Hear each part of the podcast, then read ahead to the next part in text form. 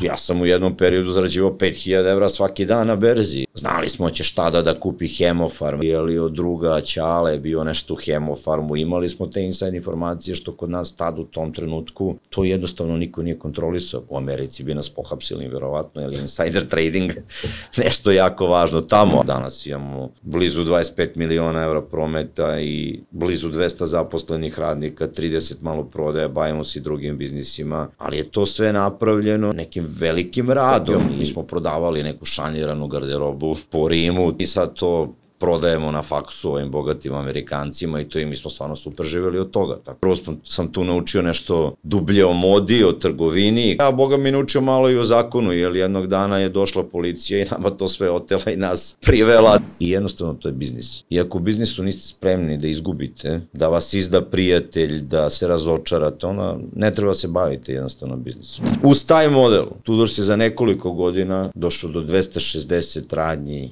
u svetu, 17 zemalja, ja sam lično skoro svaku tu radnju otvorio, putovao, pregovarao, dogovarao. Taj strah postoji kad je sve idealno i to je strah koji te u stvari ujutru budi i taj moment gde ti svakodnevno razmišljaš da sutradan možeš da propadneš i da sve to što imaš od sutra više nemaš i ja verujem da i Warren Buffett ustaje sa činjenicom da, da će verovatno danas da izgubi sve što ima. Potreban ti je poslovni račun u inostranstvu, Pionir ima rešenje za to. Bez obzira da li se nalaze u Americi, Aziji ili Evropi, klijenti ti veoma brzo jednostavno mogu platiti lokalnim bankovnim transferom i to u valuti koja njima odgovara. Zaboravi na beskrajnu papirologiju, uz brzu online registraciju, otvori račun u regionu gde su i tvoji klijenti i to već danas. Radi globalno, plaćaj lokalno. Uz Pionir kreni odmah. Registruj se preko linka koji se nalazi u opisu ove epizode. Naučite kako da programirate, kreirate sajtove, razvijate iOS i Android aplikacije i steknete znanje i veštine sa kojima možete startovati uspešnu IT karijeru. Kvalitetno stručno znanje, sertifikovana obuka, raznovrsnost kurseva samo su neki od razloga zašto je Quantox Akademija lider u svetu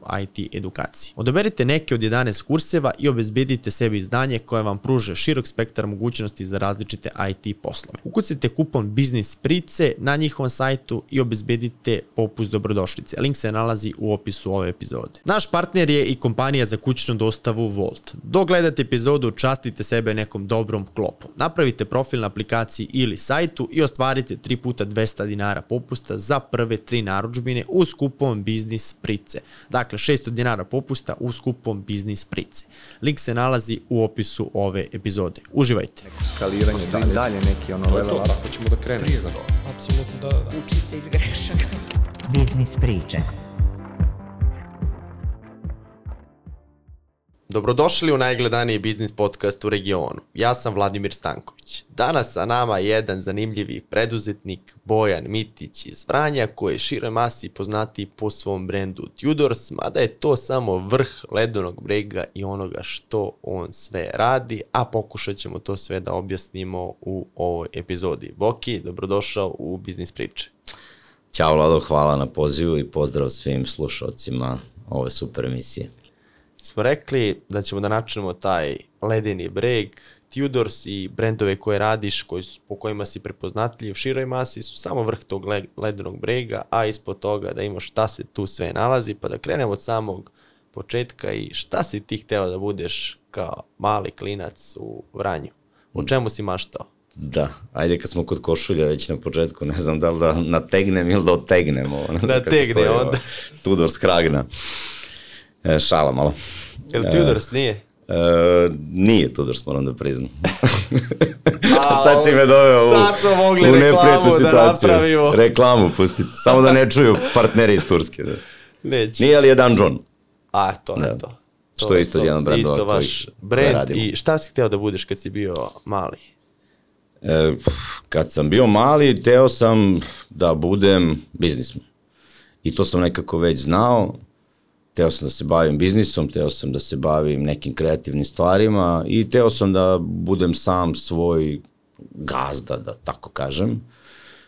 Ja sam već kao mali imao svoju imaginarnu firmu koja je dizajnirala patike, tad u to vreme, negde 90-ih godina, kad sam ja imao 10-12 godina, kao što moj sin danas ima. E, pojavili su one patike Air Max, pa Air Max dvojka i tako dalje, to je bilo nešto, nešto novo, nešto što do, sada, do tada nismo imali, mi smo u Vranju samo nosili ovaj, Kosimod i, i Simod koje je proizvodila košta na Vranju, onda kad su se te patike pojavile, to je bilo wow i svi klinci su bili ludi za tim, tako da sam ja rešio da ja to dizajniram, da da malo ovaj, iz svog Google-a dam neki pečat, pa sam čak toj firmi dao i naziv, tako da, da sam to dizajnirao Kako se zvala firma taj koja si dao naziv? Uh, ne sjećam se kako se zvala firma, moram da ti priznam, sad bi sad bi rekao verovatno nešto što što nije bilo, ali možda nije ima, imala čak i naziv, ali eto, bila je firma, bila je firma koja je dizajnirala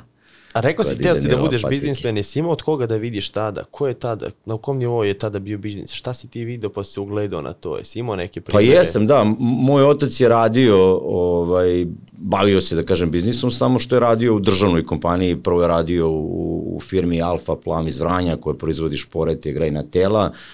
Zatim je radio u duvanskoj industriji u Vranju, bio je direktor duvanske industrije, tako da sam ja, naravno, na njega se ugledao i poznavao njegove prijatelje, gledao kako oni žive, vozili su neke dobre automobile, lepo su se oblačili, putovali su, bili su puni znanja, puni nekog iskustva, putovali su, što je meni bilo jako, jako prijatno da to sve slušam, da to sve gledam, da budem u takvom okruženju, s obzirom da jednostavno u malom gradu ti to nisi imao gde da vidiš. Mi smo bili do Grčke i do Makedonije i to je bilo to. A onda kada neko dođe ko je proveo neko vreme u Americi, pa je nešto tamo naučio, pa dođe s nekim dobrim autom, pa priča o nekim poslovima, meni je to sve bilo vrlo onako zanimljivo. Ali imaš neko u društvu ta interesovanja ka biznisu? Da li imam, izvini? Da li iz tvog društva tada neko ima interesovanja ka biznisu? Pa ne, mislim, ja sam već kao klinac, sećam se fabrika u kojoj moj otac radio, ona je proizvodila cigarete, pa su oni sad teli da da naprave neke nove brendove, pa je meni otac rekao, ajde ti sad dizajnira. Onda sam ja kao klinac dizajnirao recimo paklicu za cigaretu Formula. Pa sam ja tu formulu crtao, pa sam to dizajnirao i ta cigareta je stvarno gledala svetlost dana, tako da, da to se proizvodilo.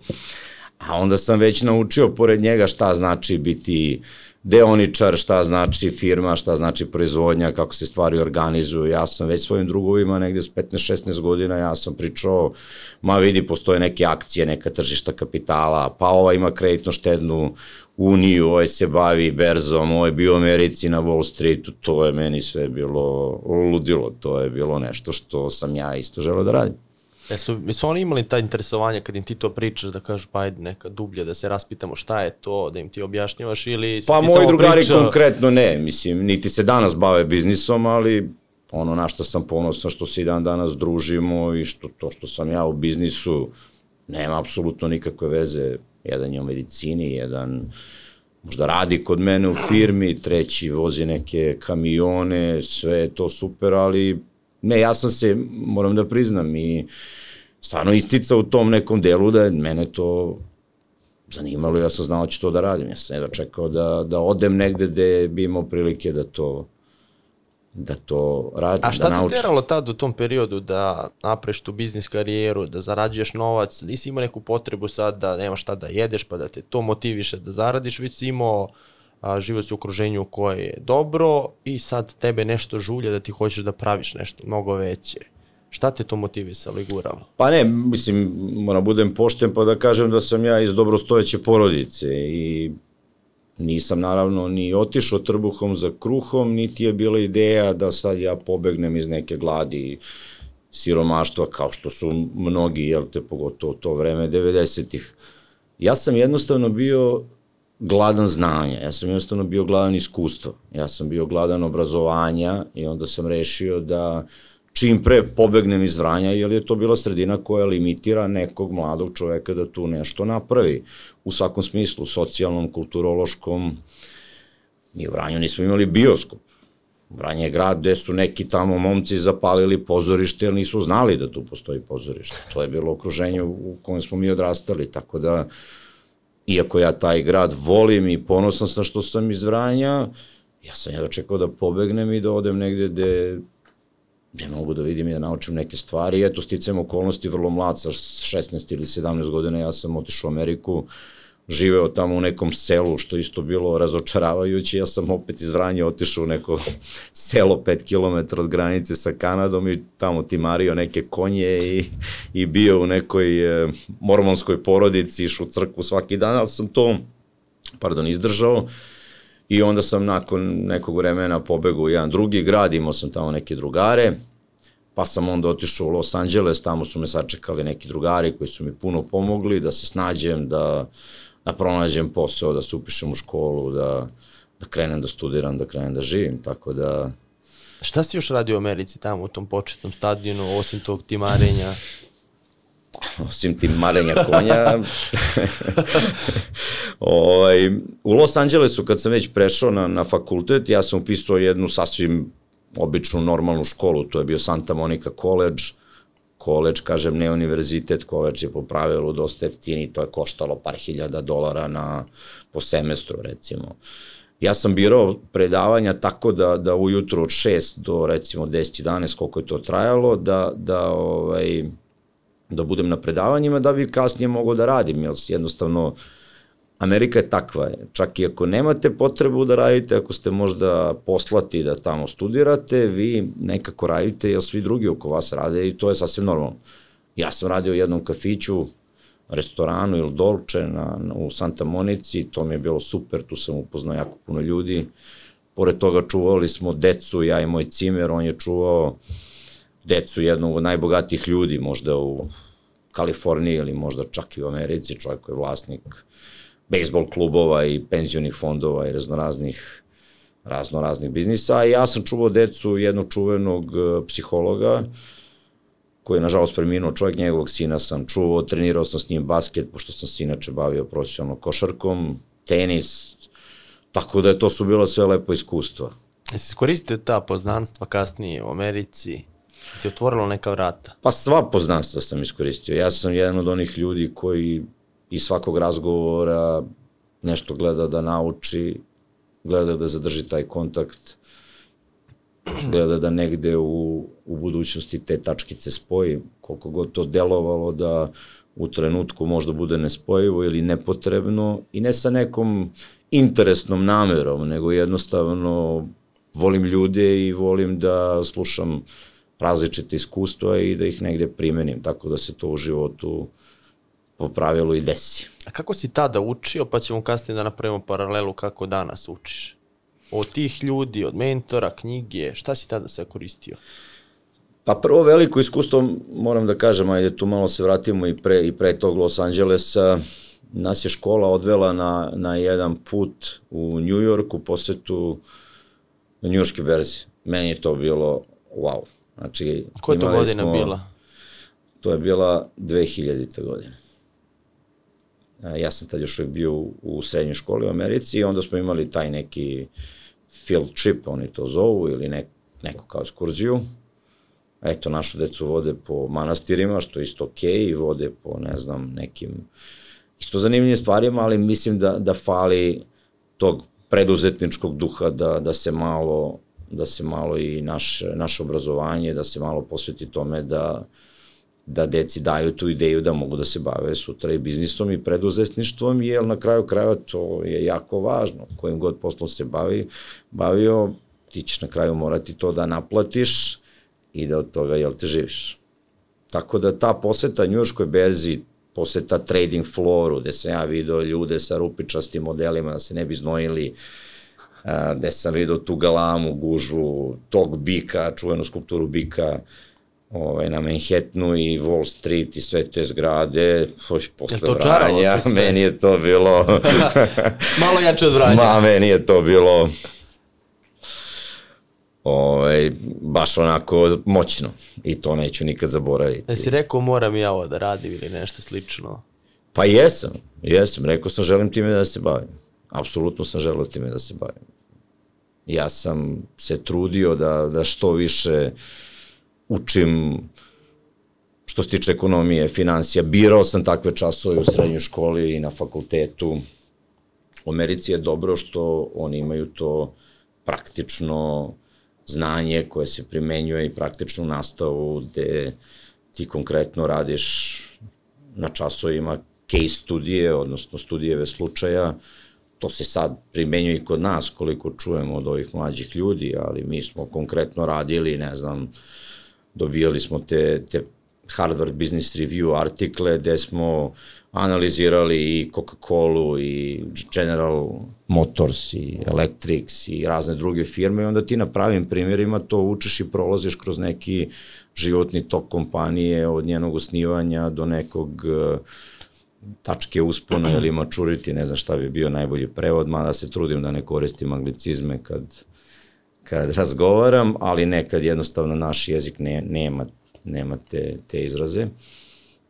Tako da je to sjajno, tu naučiš kako je jedna firma prolazila, kak, kakav je koji direktor nešto radio ili, ili menadžer, kakve su bile glavne promene, promene, zašto je neko propao, zašto nije. Tako sam se trudio da, da što više saznam, ne znam, čitao sam Friedmana, čitao sam Stiglica, čitao sam Keynesa, čitao sam Smitha, sve ono što ima veze sa biznisom, sa, sa ekonomijom, to me je zanimalo, a pored toga sam non stop gledao da nekako čak i najobičnije stvari, recimo u prodavnici uvek sam gledao ko proizvodi taj proizvod, ko je distributer, um, ko je u kojoj državi, poddistributer, sve me to uvek zanimalo.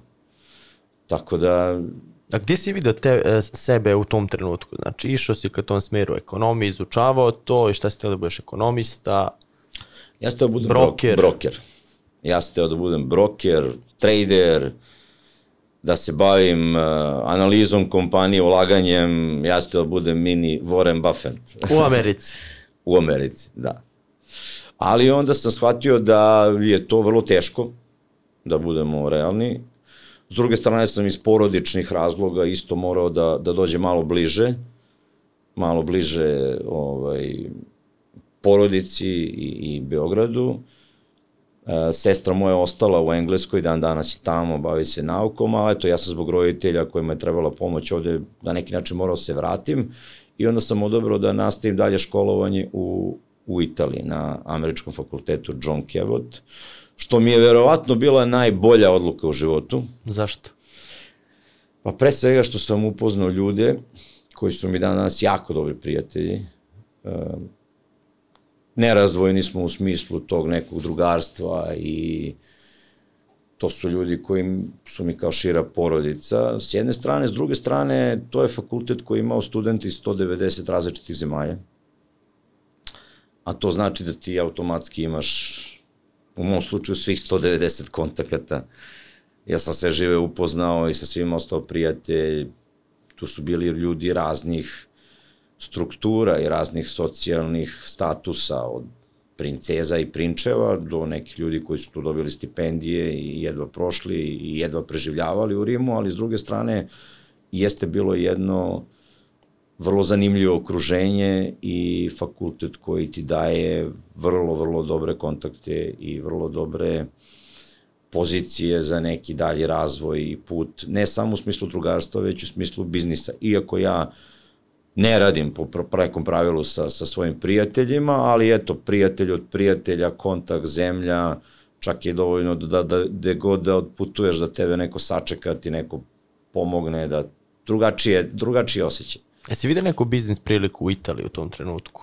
U Italiji iskreno ne. Sem što smo mi preživljavali kao kao studenti, ja i moj cimer i još par nas, mi smo prodavali neku šanjiranu garderobu e, po Rimu, to sad tu bili neki lopovi, pa oni to ukradu, pa mi sad to prodajemo na faksu ovim bogatim Amerikancima i to i mi smo stvarno super živjeli od toga, tako da ovaj, prvo sam tu naučio nešto dublje o modi, o trgovini, kako to sve funkcioniše, naučio o tome šta znači zadovoljna mušterija, šta znači nezadovoljna mušterija, a Boga mi naučio malo i o zakonu, jer jednog dana je došla policija i nama to sve otela i nas privela, tako da smo morali za to da plaćamo posle neke kazne i bile onako poprilična bruka i na fakultetu i kod roditelja, jel, jel te to nije smelo da se radi, samo je nama u tom trenutku to, to izgledalo zanimljivo i na kraju krajeva trebalo nam je.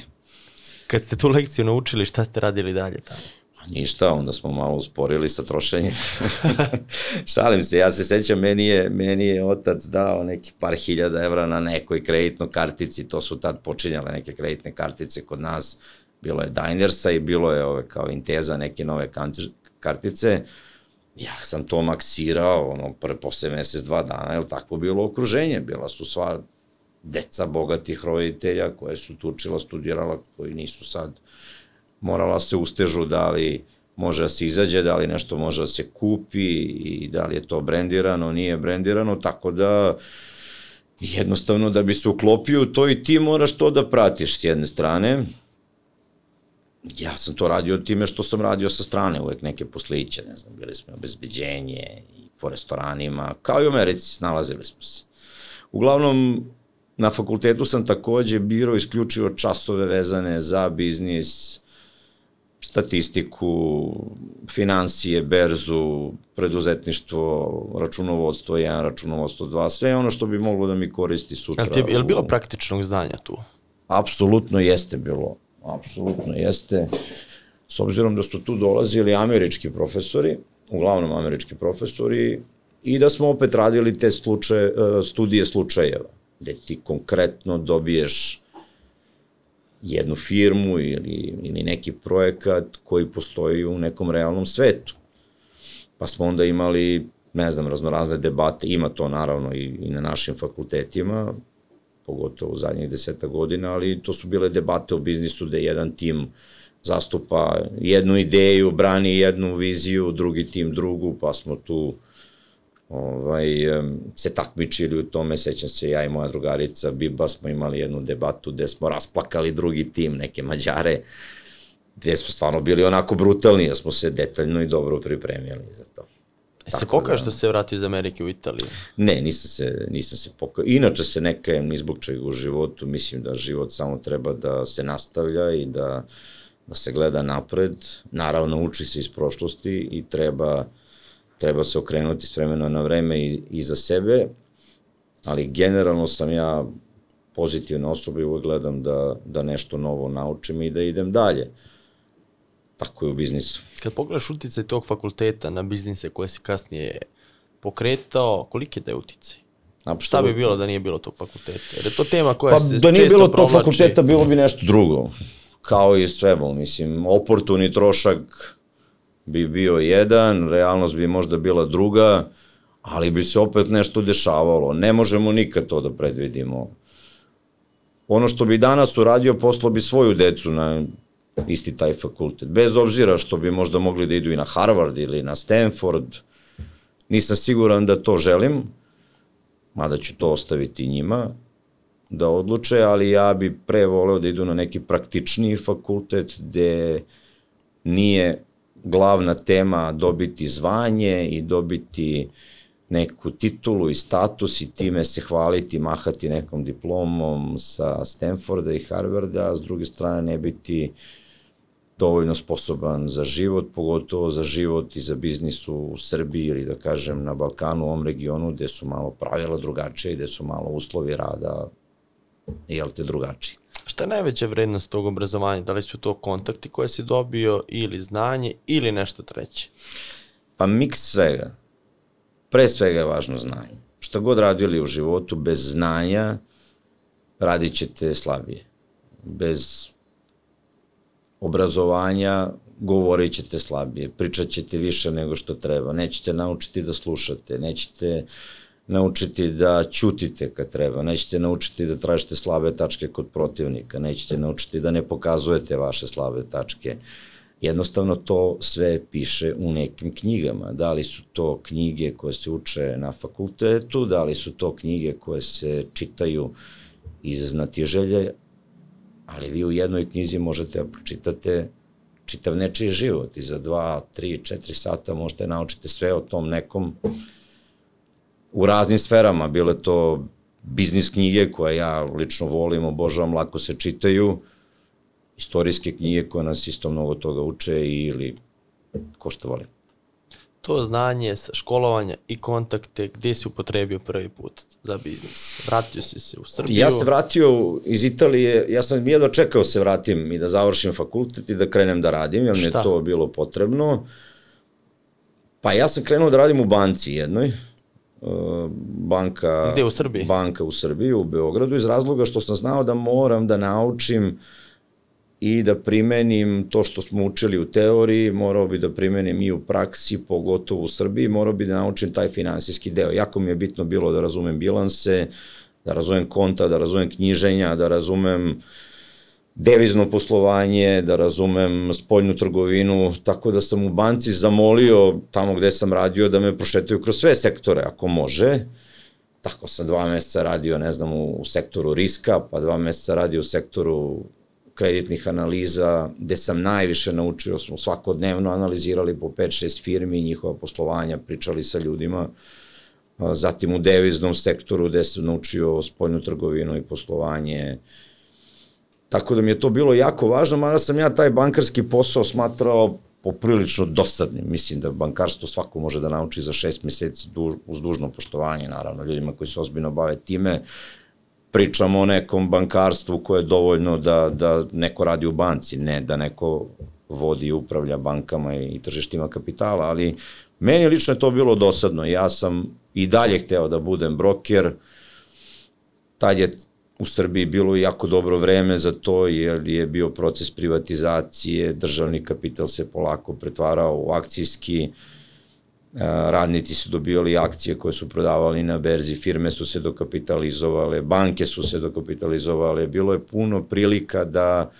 se, eto da kažem, na berzi i zaradi, da se neko time bavi. Ja sam prvo počeo da trgujem, a onda sam sa jednim prijateljem uh, osnovao brokersku kuću, odnosno ja sam ušao u partnerstvo sa njim u brokerskoj kući koju on posjedovao i ja sam tu dao celog sebe Ovaj, Napustio si banku taj posao? Da, izašao sam iz banke i radio u brokerskoj kući, postao direktor te brokerske kuće i za vrlo kratak period podigao tu brokersku kuću tako što A koji su sve... to poslovi koje ste radili? Radili smo brokersko-dilerske poslove, radili smo korporativne poslove vođenja akcionarskih društava, odnose sa centralnim registrom, sa komisijom za hartije od vrednosti i tako to. Jel to imalo neke sličnosti sa onim što si gledao u Americi? Pa i naravno da jeste, mislim, trgovina na berzi je trgovina na berzi, da li to bilo na, na Belexu, Beogradskoj berzi ili na New York Stock Exchange-u ili na nekim sekundarnim tržištima kapitala kao što je Nasdaq i, i neke druge berze, u principu to je sve isto, pravilo je kupi nisko, prodaj visoko, ostvari zaradu, ako si samo broker, onda radiš za svoju jel te, brokersku proviziju, ako si broker i investitor radiš da nešto zaradiš, ja konkretno sam menadžovao novac svih svojih drugara, svi su sad dolazili, pa ajde Bokice ti nama 5000 ovde, 10.000 ovde, pa zaradimo, pa izgubimo. Bilo je svačega, pa smo napravili ekipu tih mlađih klinaca, brokera da zajedno radimo, pa smo se družili, lepo gledali, učili na pamet Wall Street 1, Boiler Room i takve filmove. Onako, bila je super energija, moram da priznam. Bilo je, bilo je divno raditi to u tim godinama. Sad, A koliko mogla se zaradi tada? Pa ja sam u jednom periodu zarađivao 5000 evra svaki dan na berzi, jer smo kupovali neke akcije koje su konstantno rasle, tad je bio, ne znam, energoprojekt, pa privatizacije, pa Znali smo će šta da kupi Hemofarm recimo u nekom trenutku ili od druga Ćale bio nešto u Hemofarmu. Imali smo te inside informacije što kod nas tad u tom trenutku to jednostavno niko nije kontrolisao. Komisija, od vrednost, komisija za hartije od vrednosti ili bilo koje drugo zakonodavno telo u Americi bi nas pohapsili verovatno, ili insider trading, nešto jako važno tamo, ali eto, rekla mi baba, rekla mi tetka da kupuju se akcije, ne znam, neke firme u Gornjem Milanovcu, onda mi to kupimo i sačekamo Čekamo. par meseci dok neko te akcije ne preuzme. Ili ono što smo radili, e, ako neka firma već prodata, recimo država je prodavala obično 70% kapitala, onda smo mi kupovali ovih ostatak 10-20%, onda smo pregovarali sa vlasnicima tih 70% kako da nađemo zajednički interes da mi izađemo iz tog manjinskog kapitala, da im ne bi pravili neke probleme u smislu da budemo nesaglasni akcionari i tako to, što je sve bilo legitimno. Šta su bile tu najveći izazovi u tom biznisu? Delo je sve ovako, kupiš, prodaš, zaradiš, jednostavno, međutim u praksi šta su pa, bile politička najveći? nestabilnost u zemlji, svašta se dešavalo, ubili su premijera, pa ne znam, druge druga politička previranja, seća se kad je Toma Nikolić postao predsednik Skupštine, Berza je pala, ne znam, duplo. Ja sam tu već video da, da je to jedan nestabilan posao i da to nije baš posao koji, koji treba da bude primarni. Tako da sam već razmišljao nekako da da se diversifikujem Meni se tad jako dopala ideja da, da radimo otkup potraživanja, odnosno to se negde sada zove factoring, gde neka firma umesto da čeka 60 ili 90 dana za naplatu, dođe kod nas i uz diskont proda nama to potraživanje, onda mi na kontu te razlike u ceni, odnosno neko, neke kamate, sačekamo pa naplatimo to potraživanje. Onda sam osnovao firmu koja se zvala Bojana Financial, To je bilo 2006. Znači? godine. A Bojana ne znači ništa, ovaj, sem što je neka kao skraćenica od, od Bojan, eto, bez suglasnika, tako da, mislim, to je bilo nekako, neka ideja, ništa, ništa posebno nije značilo. Firma se bavila, znači, trgovanjem eh, na berzi, otkupom potraživanja, faktoringom, to tad još uvek nije bilo zakonski regulisano u smislu da je postojao zakon Narodne banke Srbije kao danas, ali smo mi to lepo radili, tako da tih godina je to bilo sve okej. Okay. I pored toga sam znao da bi volao da imam neki biznis koji, koji ima veze sa modom, i sasvim slučajno, ovaj, pošto sam studirao i živeo u Rimu, bio je jedan brend košulja Sete Kamiće, koje su bile moje omiljene košulje, uh, I onda sam tamo upoznao ovaj, vlasnika, pitao ga da li bi mogli da nekako radimo, da ja to kupujem od njega. On mi je rekao, voj druže, ti imaš 24 godine, ti si klinac, ti treba da još nešto da učiš. I to ne, ne, ja sam rekao, imam firmu, ja, ja ću nađem lokal na, dobrom mestu, ajde da vidimo koje su razlike u ceni, kako da to ostvarimo. Ništa nismo znali o tom poslu. Kad kažem mi, ja sam tad već u firmi imao dvoje ljudi Jelenu koja je danas generalni direktor BN, koja je ta došla kao devojčurak sa 17, 18, 20 godina, ne sećam se, i finansijskog direktora koji nažalost nije više u firmi, ali i dalje je tu u srcu. E, nas troje, eto selo, mi smo napravili biznis plan, vrlo detaljan biznis plan, analizirali smo tržište, analizirali smo konkurenciju, išli smo da vidimo uh, ovaj, kod špeditera, kod carine, ko koliko uvozi, ko plaća carinu, ko ne plaća, da bi znali gde bi mogli da budemo jeftiniji ili skuplji. Napravili smo vrlo ozbiljan biznis plan. Vrlo, vrlo ozbiljan biznis plan. I kao rezultat, kad smo otvorili tu radnju, recimo mi smo projektovali da u decembru mesecu prodavamo 697 košulja, mi smo prodali 694, što je bilo stvarno neverovatno. Koja je to bila marža? Marža je bila... I kako ste određivali? Pa, u, na, u našem poslu se računa markup, recimo, ako, ako je fakturna cena nečega 100 dinara, onda mi gledamo da prodajna bude puta 2,5, puta 2,7, puta 3, zavisi od dobavljača i zavisi od... Ali u principu u tekstilu jeste veća marža možda nego, nego u drugim biznisima, ali ono što je downsize, odnosno ono što je negativna strana toga, rekli smo nećemo ove anglicizme, je to da tu imaš boje, veličine, sortove, modele, um, modu i sve ono što, što prati naš biznis. Ono što je bilo zanimljivo, znači ta prva radnja je otvorena u Delta City-u, ja sećam se, bio sam sa Zoranom Tuce, tadašnjom direktorom kom uh, Delta City-a, koji je bio najbolji mol kod nas, ja sam nju molio da mi da taj lokal, ona rekla, vidi druže, pa ti ti malte ne, nemaš ni firmu, niti si ti zreo, mi ovde pustamo samo brendove, on sam ja to nekako nju ubedio da to jeste brend, to je iz Italije, to je super proizvod. I jeste bio super proizvod. Ajde da kažem, bila je možda prva takva radnja specijalizovana za muške košulje, koje su moderne, koje su dobro strukirane, koje nisu izgledale kao Javor Ivanjica ili Rudnik Ivanjica. I ono što je bilo zanimljivo kad smo tu prvu radnju otvarali, to je bio haos, mislim, radnici, arhitekta, svi su oni do, došli da pomognu, mislim, arhitekta je drugarica, radnici su drugari, tetke, strine, stričevi, svi su došli da ređuju košulje, da lepe te cene, da deklarišu. Mi nismo znali ni koji softver, ni kako se kuca, ni kako instalirati fiskalnu kasu. Sve je bilo totalno novo. A napravili smo otvaranje da tu sad nama dođu gosti, prijatelji, da imamo koktel, da imamo neku mini modnu reviju, sve to bilo jako zanimljivo. Ja sam bio onako potpuno opčinjen da to sve bude perfektno, da sve bude na svom mestu, da se ne napravi nikakva greška i onda noć uči otvaranja uh, ja sam se nekako sapleo dok smo ređali te koše i polomio reklamu koja nam je stigla iz, iz Italije, koja je bila reklama koja se stavlja iznad radnje, znači prav, on, logo, logo brenda i radnje. Tako da smo mi tu reklamu neko uspeli da zalepimo i pošto se to gore podiglo na neku visinu od 4-5 metara, to se nekako nije videlo, ali sam ja to znao i negde se ta linija gde je bila polomljena. Ali nije bio neki znak videla. to, nisi sujeveran.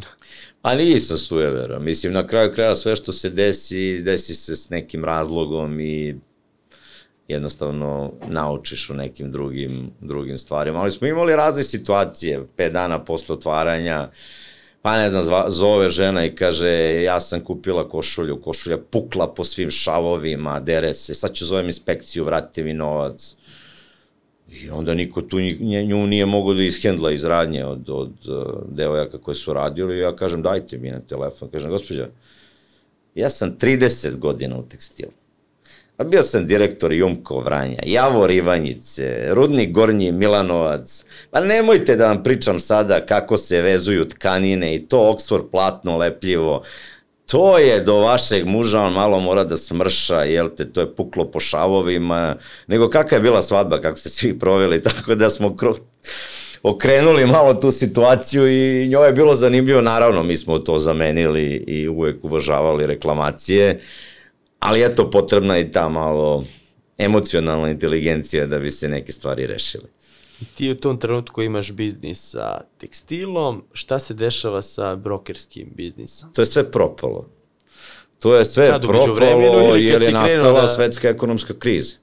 Nastala svetska ekonomska kriza, nekako berza je potonula, akcije su pale 70, 80, 90% u tom trenutku i nama faktoring posao koji smo radili vrlo ozbiljno i gde smo imali ne samo kapital naš, odnosno deo kapitala koji sam ja nasledio od oca, okamaćeni kapital u zaradu koju smo imali sve to vreme dok je market bio okej, okay, mi smo u jednom trenutku bili baš onako u problemima. Na sve to imali smo i jednu, da kažem, prevaru gde sam ja naivno verovao jednom svom drugu, dao mu menice moje firme, on je te menice eskontovao bez mog znanja, ja ostao dužan a, po tim menicama, a nisam dobio robu koju su te menice trebale da pokriju.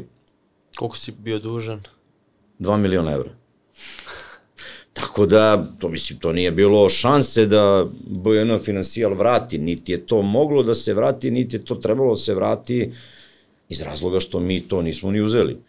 Tako da, ovaj, eto i to se desilo, mislim, i to smo nekako preživeli u, u principu. Kako ste to rešili? Nismo rešili, firma je bila blok, blokirana od strane te banke koja je sa tom firmom i tim mojim drugom u saznanju i vrlo svesno sve to organizovala tako, inače moja firma po bilansima nije bila ni okej okay da dobije takav neki kredit, odnosno da se eskontuju te menice, a onda da se zbog neisplaćivanja menica da firmi kredit koji nije mogla da vraća, jednostavno mi to nismo mogli da rešimo.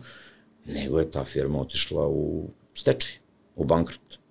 Ja sam sve uradio da do toga ne dođe i, i trudio se i borio na sve strane, međutim to je jednostavno bilo neminovno. Trebalo mi je malo vremena da shvatim, ostavilo je to posledice na mene u zdravstvenom smislu i javila se anksioznost Kako i depresija. Kako je trajala ta situacija? Pa trajalo je dve, tri godine, sad ne mogu da se setim, to je bilo recimo 2000, desete godine. Jesi imao komunikaciju sa tim prijateljem koje... Imam, imam i dan danas, nije to sporno, ne mislim ja da je tu bilo nekog namernog, eh, da kažem, uništavanja moje firme. Jednostavno to su bilo okolnosti i jednostavno to je biznis. I ako u biznisu niste spremni da izgubite, da vas izda prijatelj, da se razočarate, ona ne treba se bavite jednostavno biznisom. A šta ti najteže palo u toj situaciji? U toj situaciji meni lično najteže palo to što sam izgubio neki novac koji sam nasledio od porodice. Moj otac je, na, nažalost, prestao da radi 96. godine zbog svojih ličnih problema, malo i zdravstvenih, malo i političkih, ali eto imao poverenje i ostavio mi je taj neki teret da ja sad kao brinem o porodici, da plaćam račune, da zarađujem i onda te godine kad sam ja puko jednostavno i ostao bez svega, meni je to stvarno bilo užasno i to je užasan osjećaj. Ali s druge strane, šta je uspeh inače, skup grešaka i neuspeha iz prošlosti implementiran u neko novo iskustvo sa nekom novom energijom. Ja sam jednostavno rešio da krenem dalje. Ja sam rekao, ok, I don't give a fuck. Bilo šta je bilo, idemo dalje, imamo ovaj biznis košuljama, radit ću nešto drugo, trudit ću se, ustaću dva sata ranije, iću kreve dva sata kasnije. Dobio sam neku novu snagu, neku novu energiju i jednostavno počeo sve iz početka. Ali nisam čekao ništa. Jednostavno nisam želeo da sad ja kukam, šta mogu, to je prosuto mleko, za tim se ne plače. Ja sam krenuo dalje, otvorio jednu radnju, Sete Kamiće, drugu radnju, treću radnju, Nisu to bile neke investicije, uglavnom smo to mogli da, da sami finansiramo. Koje su to investicije bile? Pa recimo za Sete Kamiće si ti trebao da dobiješ bankarsku garanciju 30.000 evra i da uložiš još 10.000 evra u taj, jel te, fitting furniture, opremanje radnje, opet neću koristiti anglicizme, opremanje radnje i, i o, ja sam tu tad imao i partnera, nekog, pa sam pozajmio, pa sam vraćao, dovio se na različite strane. Gde se nalazio te partnere? Gde sam nalazio partnere? Pa konkretno taj dečko je bio sa mnom na studijama iz vrlo ugledne firme, ugledne porodice, tako da posle smo se ovaj, razišli, naravno na dobar način, ja sam isplatio njegov udeo u toj novoj firmi koja se sazvala BN deo, prva je bila BN Financial, koja je i dan danas u stečaju i koju mi sad evo upravo uh, dogovaramo da mi to nazad kupimo iz stečaja, jer tu niko nije iz tog stečaja oštećen, sem banke koja je znala da, da to što daje, da to neće biti vraćeno. Jer je s tim ciljem i dala. Da se vratim na, na, na priču daljeg uspeha. Znači, ja sam, ja sam onda sebi postavio neke zakone i neka pravila po kojima sam odlučio da živim i da radim Iskreno ne znam odakle mi to i kako se to javilo, verovatno... Iz neke knjige. Pa možda iz neke knjige, možda iz eto, životnog iskustva. Ovaj, znate ko se opeče od vrućeg mleka, duvaju jogurt. Tako da sam jednostavno rešio da prvo ljude s kojima sam se družio i tih prvih pet oko sebe definišem s kim ja želim da budem. Ja znate, ako imate pet ljudi oko sebe među kojima ste vi najbolji, onda ste verovatno u pogrešnih pet. Jer onda vas vuku na dole. A ako ste vi najgori, da kažem, u prvih pet ljudi oko sebe, onda ste verovatno u pravih pet, jer je vrlo veća verovatnoća da će neko od tih pet boljih da vas povuče na gore. Pritom ne pričam samo o biznis interesima i o nekim kombinacijama. Nije to tema. Tema je da u svakom smislu možeš da napreduješ ako gledaš da si u nekom društvu nekoga ko je bolji od tebe, da prihvatiš da učiš pre svega, da prihvatiš da slušaš. A u kom da... si ti društvo bio tada? Si bio najpametniji u društvu ili... Ne i dan danas uvek se trudim da sedim sa ljudima koji su pre svega stariji od mene, koji su iskusniji od mene, samim tim što su stariji, jel te jesu iskusniji. Družim se sa ljudima i uvek sam se družio koji imaju 70 i 80 godina, sa raznoraznim profesorima, sa raznoraznim biznismenima, sa raznoraznim kriminalcima, sa raznoraznim običnim ljudima. Tu nemam nikakve nikakve zadrške i, I jednostavno ne želim da imam, pa od svih pomalo. Imaš neki savjet koji ti je ostao urezan? Koji si dobio od nekog? Imam. Imam jedan od tih zakona i pravila koje sam skupio je recimo da prvo eto recimo možda bude da ne treba puno da pričaš. Što manje pričaš, odaješ utisak da si ozbiljniji. Druga stvar, ne treba nikad nigde da žuriš, jer kad vidiš nekog da non stop žuri, znači da on nije gospodar svog vremena i da loše organizuje svoje vreme. Dalje, eto, iz mog iskustva gde sam teo da pomognem drugu, a iz svega toga ispo grbav, doneo sam novi zakon gde ako vidim da neko propada, ja mu ne pružam ruku, već ga nagazim još jače da što dublje propadne, da me ne bi povukao sa sobom. I to jeste realnost i to jeste normalno. Šta se tebi desilo tada u toj situaciji kada si hteo da pomogneš, menice, čuli smo kako si završila. Jesi tada završio u zatvoru? Da, tada sam završio, nisam završio u zatvoru, moram da ti ispravim, završio sam u pritvoru, što je velika razlika. Pa jednostavno, ja sam znao da tu mora, da, da to mora da ima neki epilog. Jednostavno ne možeš ti da budeš deo neke prevare, bio kriv ili ne, a da to nema neki sudski epilog. Došli su po mene, policija, upala u stan i uhapsila me i privela me u ovaj, jel to, privredni, privredni kriminal, odnosno organizovani kriminal, što je još bilo strašnije, jer organizovani kriminal je, sama reč kaže organizovani kriminal, I ja sam proveo nekih 60 dana u pritvoru, što je stvarno bilo strašno, pre svega za moju porodicu, za roditelje, za sestru, za... Tad sam već bio ženio i dobio i, i sina, žena mi je bila trudna sa drugim detetom, detetom, to je stvarno bilo strašno. Meni je stvarno to bilo, moram da kažem. Okay Ja sam se odmorio, pročitao sam silne knjige, resetovao, razmišljao o svemu. Znao sam da to ne može da traje nešto previše i nekako sam to ok podneo. Stresno jeste, a s druge strane i zatvor je za ljudi, odnosno pritvor u mom slučaju. I kako se to završilo? Završilo se tako što jednostavno nije bilo nikakvih elemenata da se to nastavi dalje. Tužilac je jednostavno odustao od optužnice, optužnica, ja nisam nikad optužen, optužnica nije podignuta, oslobođen sam svih tih. Jesi dobio odštetu?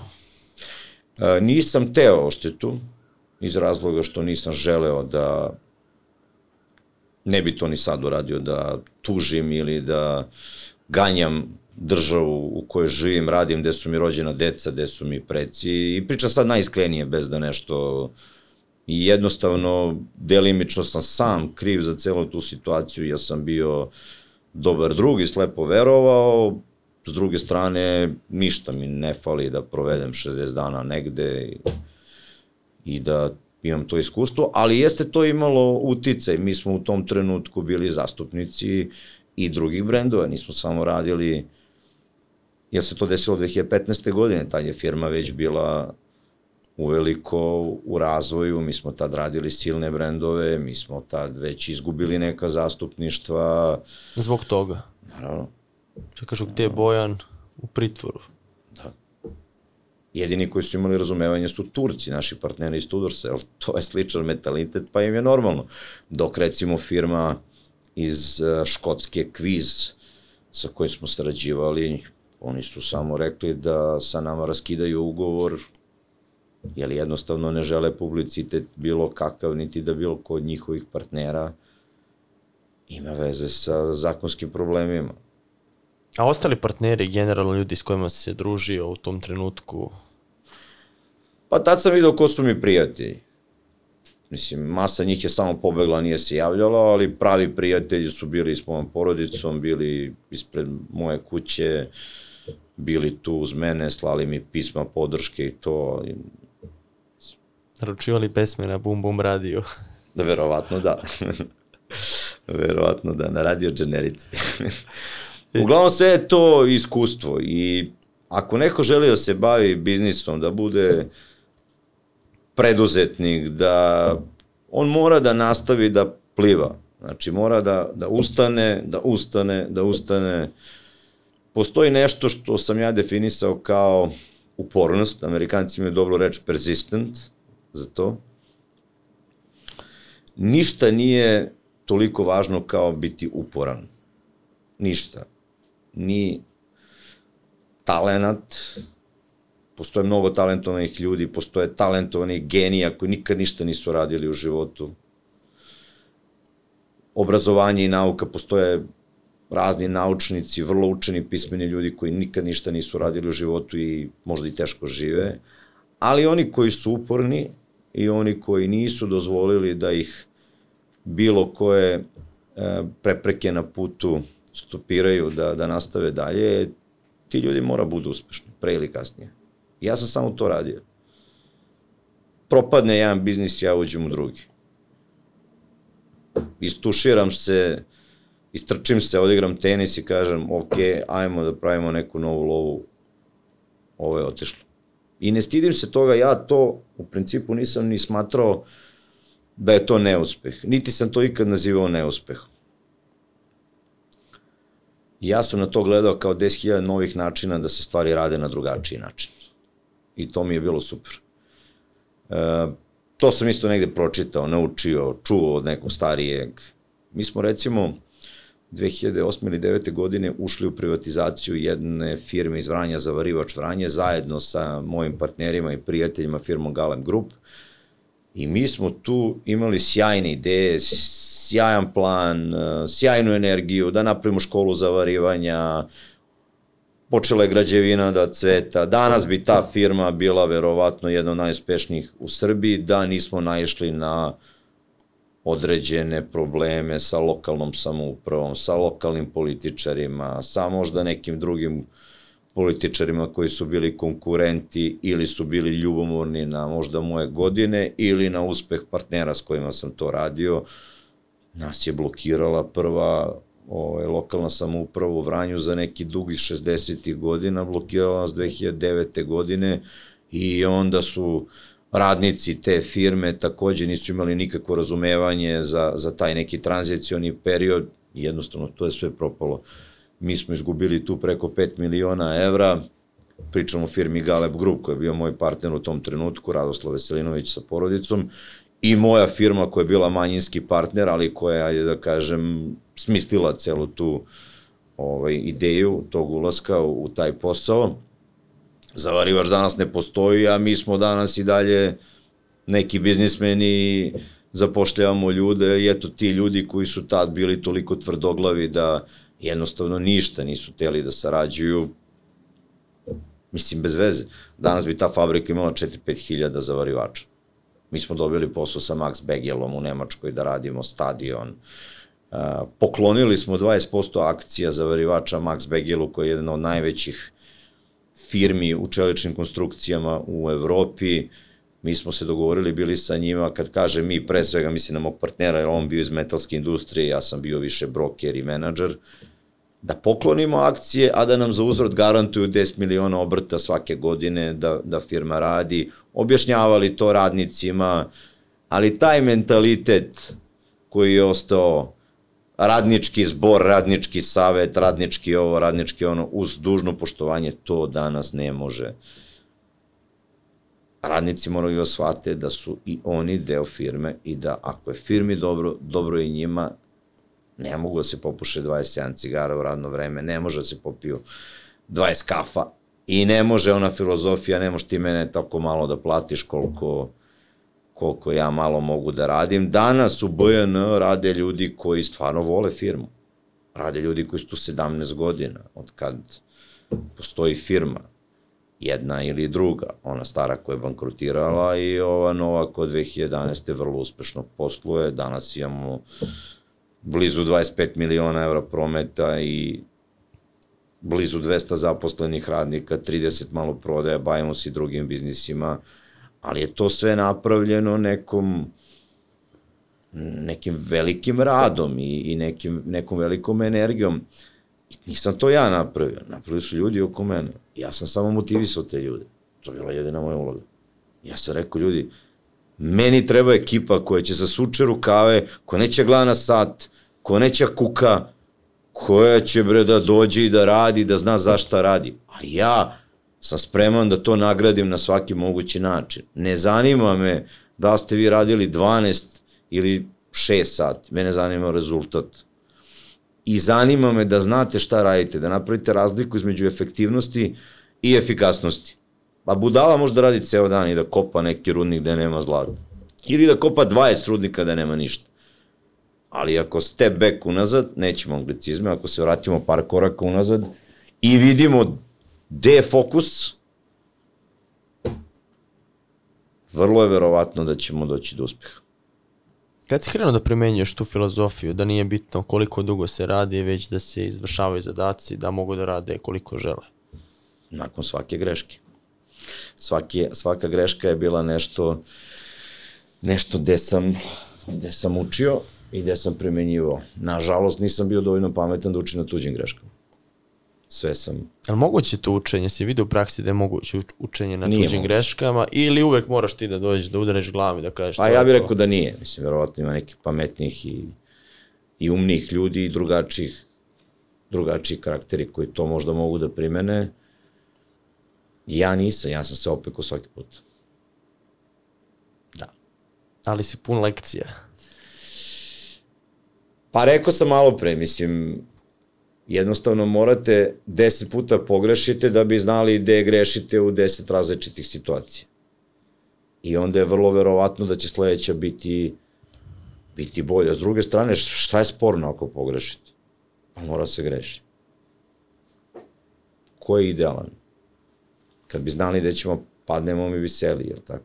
Kad si bio najbliži tome da ili od ustanku rekao si da nisi razmišljao nikada od ustanku, a kad si bio ono, da kažem, na dnu, kada si najbliži bio tome da odustaneš? Znaš Nisam takvu situaciju? Nisam nikad bio blizu da odustanem i nikad ne bio odustao. Ni u sportu, ni u biznisu, ni u porodici, to ni sa upornost? prijateljima. To je ta upornost. Spomenuo si partnere, u Italiji si imao konflikt sa partnerima, sa direktorkom. U Italiji? A da, O, pa da, to je, mislim, kako je nastao taj biznis sa Tudorsom i sa, sa tim košuljama. Znači, mi smo radili sete kamiće, imali smo radnje ne samo u Srbiji, imali smo radnje u Bugarskoj, imali smo radnje u Mađarskoj, u Crnoj Gori, u Hrvatskoj, u Sloveniji, što sami, što sa partnerima. Ja inače rekao sam ti da ne volim tu reč franšiza i užasavam se od nje, ali reč preduzetništvo i, i partnerski biznis model mi je sasvim okej. Okay franšiza mi je nekako previše američka ovaj, korporativna kultura koja po pravilu je samo dobra za jednu stranu. Ali ako se nađe modalitet da su svi zadovoljni i da ulica bude dvosmerna, onda je to, onda je to drugačije. E, ja sam recimo otvorio sa jednim drugom iz Južne Afrike tri radnje u Južnoj Africi. Sete Kamiće radnje. A otkud Južna Afrika? Pa, otkud proizvod karaktera, energije, ambicije i kontakta sa ljudima. Tog dečka sam upoznao na svadbi mog druga, gde si, gde živiš, Cape Town, super, ajmo preko sutra da otvorimo tamo sve te kamiće, super, ko će nam pomogne, kaže moj deda je stolar, evo ja ću dam robu, ajmo da nađemo prostor i da radimo, kupujemo košulje za 20 evra, prodajemo za 120. Not a bad deal. Nećemo anglicizm. I, I to je stvarno bilo sjajno. Mi smo, mi smo napravili 70.000 prometa od 16. decembra do kraja godine u tom shopping mallu uh, koji se zvao Victor, Victoria i Albert uh, shopping mall u Cape Townu. By the way, prelep grad, super iskustvo, divna zemlja. Fora je bila što je tu svaki dan, ovaj, tu je dolazio trajekt, odnosno onaj veliki, veliki veliki brod, Cruiser, Cruiser da, izvinjam se, sa nekoliko hiljada ljudi koji su došli i njima su se jednostavno te košulje svidele, to je bilo super za poklon, razlika u ceni je bila velika, dole inače dosta bilo skupo i to je krenulo sjajno, taj decembar, januar, februar i onda sam ja rekao ovom drugu, e, ajde vidi, šalji bre neke pare, druže, ja platio Nisi tamo pare, robu. Ništa. Ne, nisam, na kraju me čovjek prevario, mislim, njegova sramota, ako ovo sluša, pozdravljam ga, ako je okej okay s tim, okej. Okay. Ovaj, on je meni slao lažne izvode da je novac na računu, da to sam ja otišao dole, video da nešto nije u redu. čovjek je jednostavno podigao, ne znam, 80, 90, možda i više hiljada evra s računa, kupovao Louis Vuitton torbe raznoraznim drugaricama, devojkama, mami i tati plaćao račune bratu, imao na leasingu ne znam šta i otvarao šampanjce po Cape Townu, a ja sam jednostavno naučio lekciju. Ovaj, ono što me zabolelo je kad sam se vratio u Rim i kad sam imao sastanak sa vlasnicom i vlasnikom firme, to je jedna izuzetno ugledna jevrejska porodica u Rimu, Hasan porodica, David i Roni, oni su s njim nastavili da rade, znači i dalje su mu davali, davali robu, on je meni ostao dužan, ja ih zamolio da ne treba da rade s njim, jer se to desilo, ali italijani slash i jevreji, njima je samo okej okay da dobiju lovu, tako da... Međutim, onda on i njima nije platio, pa su se onda naljutili na mene, pa meni nisu teli više da daju robu, čak me na tom jednom sastanku vlasnica firme gađala bočicom vode, pogodila me u čelo. Ja je bila plastična? Zaista, a, da, bila je plastična, da. Ali je bolelo isto kao da je bila metalna. U svakom slučaju, ja sam tu video da tu više nema saradnje sa tom firmom. Ja sam sa tom firmom krenuo da radim kad su oni imali 13 radnji. Te godine kad me gađala sa flašicom imali su 500 radnji. Dosta tih radnji imalo veze sa mnom u smislu da sam putovao, nudio, prodavao te franšize, uzimao neki procenat njima za to što radim i lično otvorio 12 ili 13 tih radnji u regionu. To je Međutim, bila, i Rusiju se otvara, to je zanimljiva priča. Zanima me samo, taj partner ti namestio i batine. Partner mi je namestio i batine, jedno sam pobegao od tih batina, pobegao sam u, u našu ambasadu. Pa mislim, to je Afrika. Afrika je vrlo ovako divlja zemlja. Ti si otišao da tražiš pare tamo, da ti vrati. Tako je. I dobio batine. Nisam dobio batine, pobegao sam. ja sam od onih koji beži kada vidim da je opasno. Atleta. Da, pa sportista. Sve to normalno, mislim. I šta si tu naučio u toj lekciji, u toj situaciji? Ne veroj ljudima ili... Ne. Ljudima moraš da veruješ da bi bio među ljudima. Ne postoji sad neko ko ne veruje nikome i hoće nešto postigne u životu. Jednostavno nije normalno.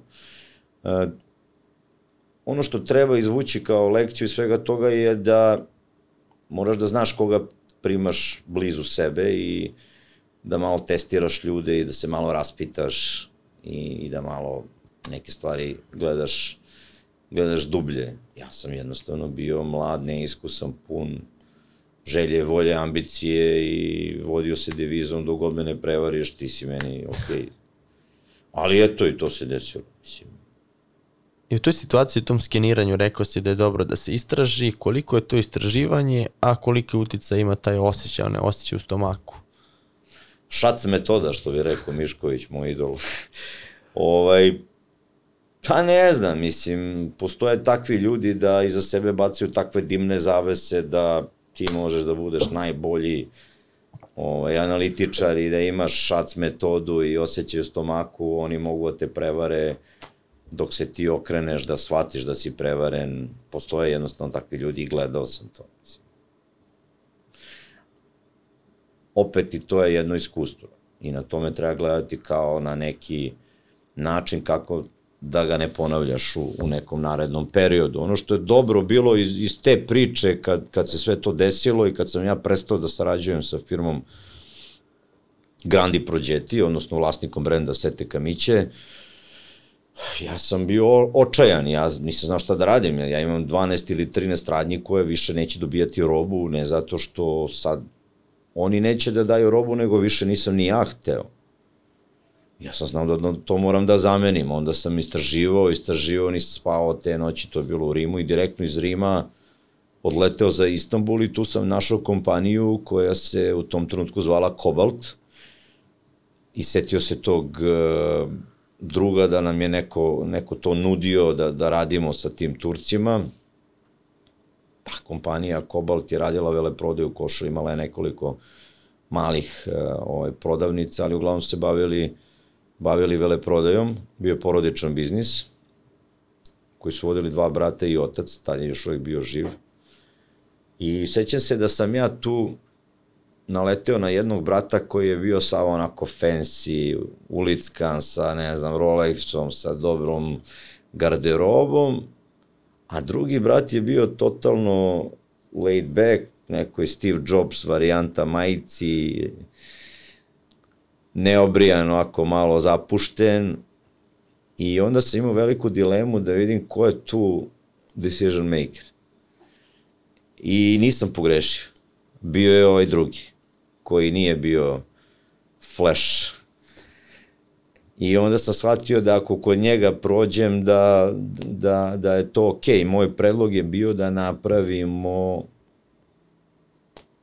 jedan novi projekat po uzoru na firmu Grandi Progetti iz Italije, po uzoru na brand Sete Kamiće, samo sa dosta nižim cenama, jer u tom trenutku desilo se i to da je cena pamuka, polijestera, viskoze i ostalih materijala, kao i samo šivenje košulje, odišlo su nebu pod oblake, mi smo te košulje prodavali 39-49 evra, u jednom trenutku 120-150 zbog same cene materijala, a Turci su u tom trenutku imali i dalje svoju proizvodnju pamuka i ova firma, tadašnji Kobalt, odnosno Ajaidin Textil, ovaj, je, je imao dosta bolje cene njihovih proizvoda, onda sam je rekao, super, ajmo napravimo jedan novi biznis model, ali ne može da se ovo zove Kobalt sa turskim kukicama i sa konceptom koji ne odgovara, ajmo da redizajniramo sve, ajmo da platimo profesionalci da nam naprave priču, da to vežemo za za nešto što može da bude svetski brend. Smislili smo Tudors, smislio je Jaša Rajajdi, moj partner. Dopala mu se serija Tudorsovi koje su to vreme emitovala, vezali smo da je to kraljevstvo košulja, nacrtali smo logo, nacrtali smo koncept. Ja sam imao iskustva kako su mušterije reagovale po svetu, približili smo da to bude najsličnije evropskom mentalitetu da se udaljimo što više od istočnjačkih običaja, jer ipak jeste to karikaturno u odnosu na ono što se radi u Evropi. Za benchmark smo imali grupacije kao što su Calcedonija, ne znam, Inditex i, i ostale velike svetske retail firme, tako da da je ključ tu bio taj zaokret i taj promena, ta promena pod jedan i pod dva napravili smo biznis model koji odgovara kupcima te franšize kroz koje može da se širi, a to je značilo mi vama ne prodajemo robu, mi nismo vele prodaja košulja, mi smo partneri. Znači, roba ide ka vama, vi za tu robu dajete bankarsku garanciju da nas ne bi prevarili, ali samo plaćate onu robu koja se prodala.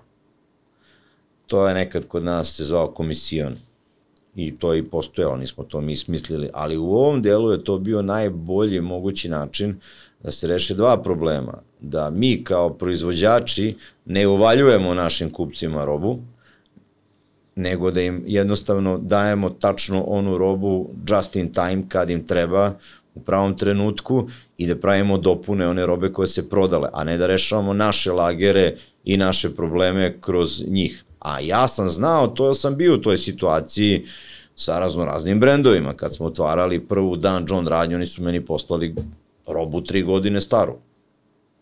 A ja sam to platio, ja nisam znao šta dobijam.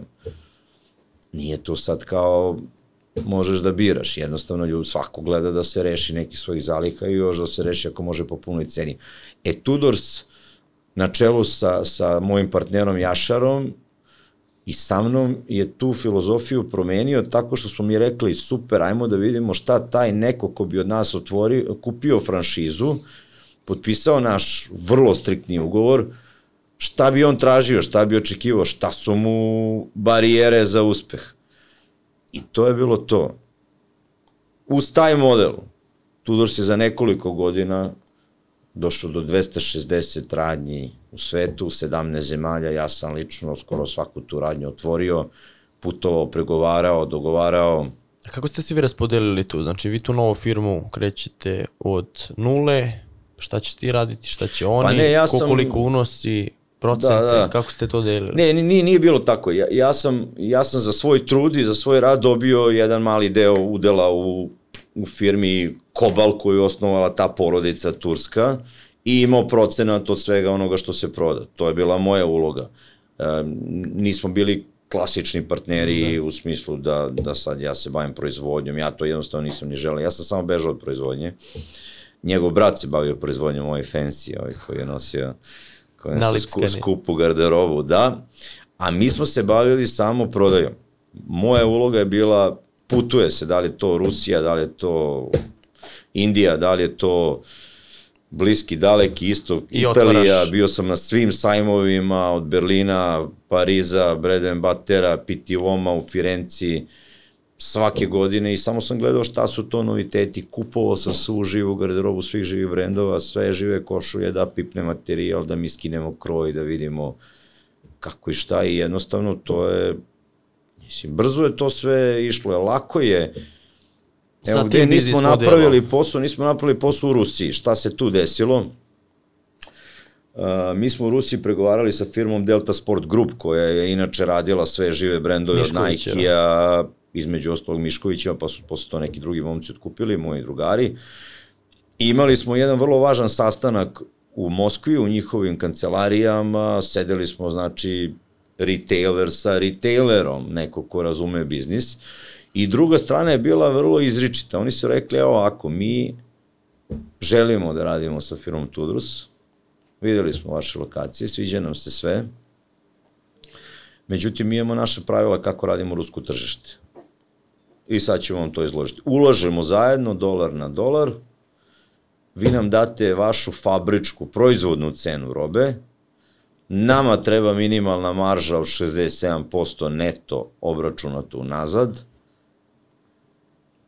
mi razvijemo to sve, pokažemo vam da možemo za x godina da pravimo x EBITDA, da objasni gledalcima neku dobit, i kaže samo vam, vi, ma, vi, mi, mi vama damo, izvinjavam se, ovaj, ključ od te firme, a vi ste obavezi da tu firmu od nas kupite. Po multiplikatoru nekom koji ćemo napred dogovoriti meni kao nekom ko je u Americi, ko voli ovaj, financije, to sve je bilo super jasno, kristalno jasno. Međutim, moj partner to nije mogao da razume. Njemu je to bilo I don't understand, I don't understand. Jednostavno tako, mislim, e, opet mi dolazimo iz drugačijih struktura, on je prodavao košulje kao klinac ispod Bosforskog mosta i, i mučio se mnogo, mnogo više nego što se ja mučio u životu, i drugačije mentalitet, jednostavno nije mogu da dobaci do toga. A da jeste, verovatno bi mi sad ili imali 500 radnji na teritoriji Sovjetskog saveza ili bi možda propali, što je verovatno ovaj, i podjednako moguće. U svakom slučaju, eto, svako tržište traži neke, neke nove, malo smo smorili gledaci. Nismo, nismo, samo me zanima sad Srbija.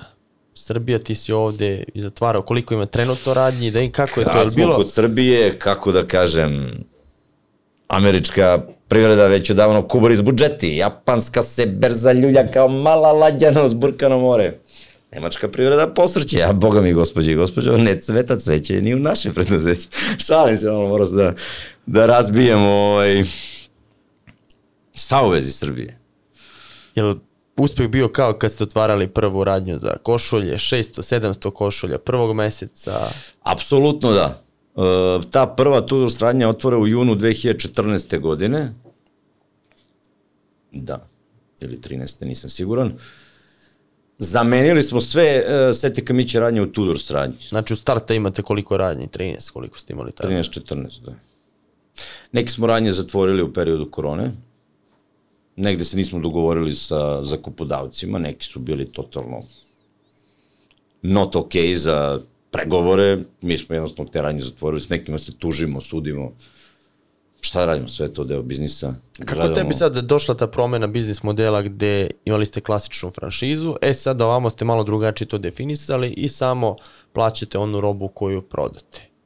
Uh mhm. -huh. Kako se sada to odrazilo na poslovanje? Nikakva razlika, ako se roba prodaje, sve je okej. Okay. Ako se roba, Sveti Kamići se isto jako dobro prodavalo, nije to... Znači tu nije bilo problema? Ne, problem u ovom poslu je problem zaliha.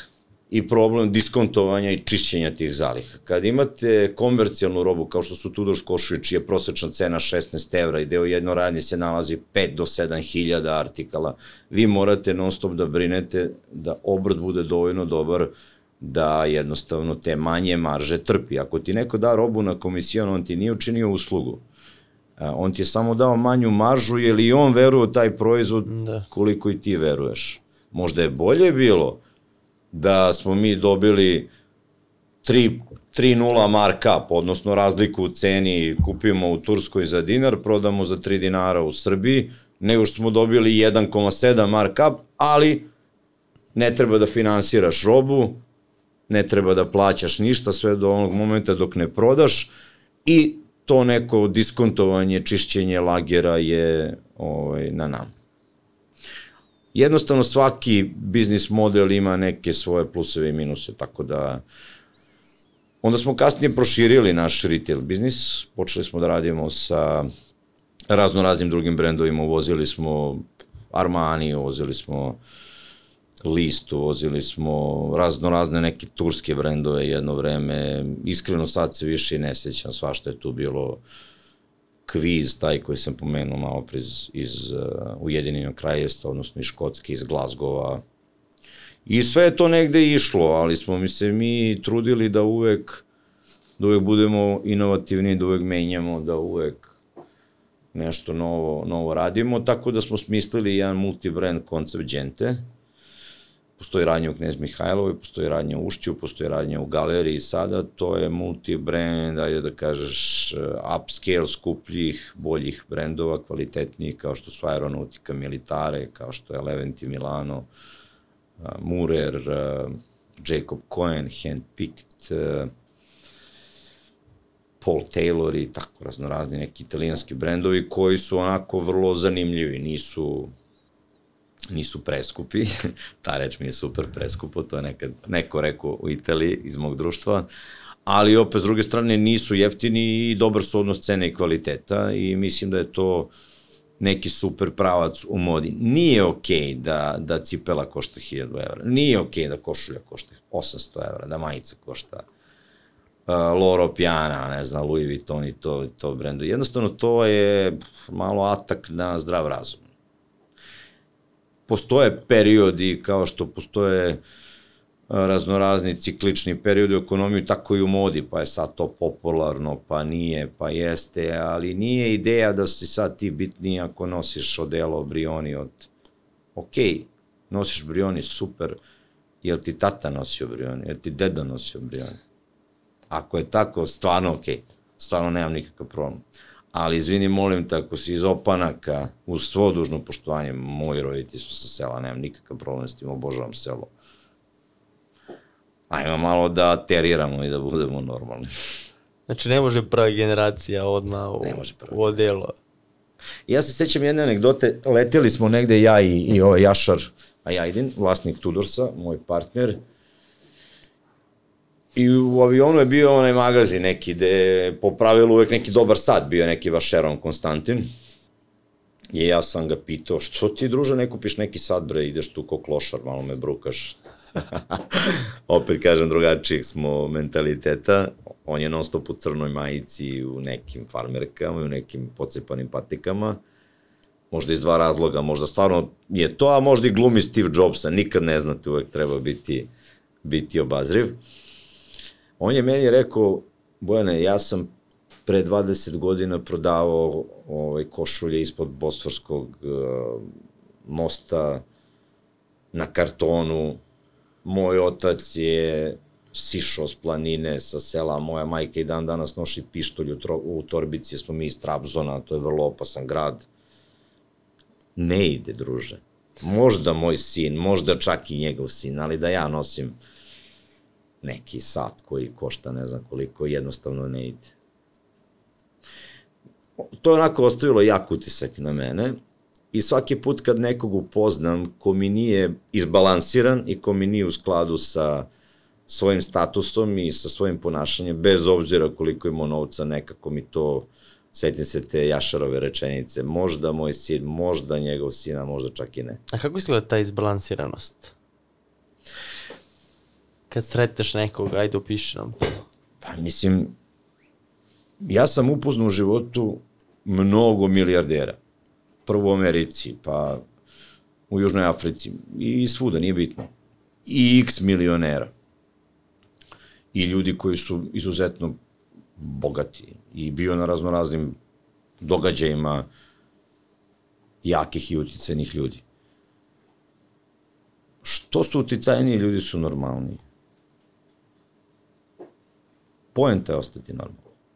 Poenta je ok, sve, ali A šta je ostalo, glumatanje ili...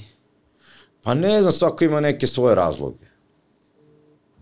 Svako ima neki svoj životni stil, životnu potrebu i možda neke nenormalne potrebe da, da nešto radi što nije okej, okay, ali ko sam ja da osuđujem svako može ono što je moje da se distanciram od onoga što ne želim, jer znate, to mi isto kao sa, sa ljudima koji imaju lošu energiju, lošu karmu, koji su nesrećni.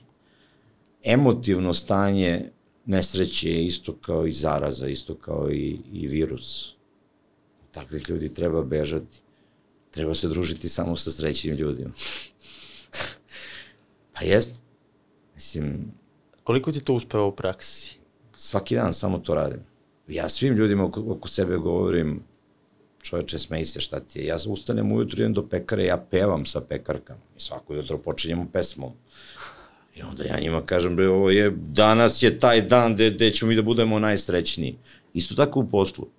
Ja kažem, danas je dan gde mi možemo sigurno nešto bolje da uradimo nego do sada. I svaki dan je taj dan gde mi možemo nešto bolje da uradimo nego do sada. I onda se ti ljudi probude. Ne treba njima 50 evra ili 100 evra motivacije. Treba, naravno.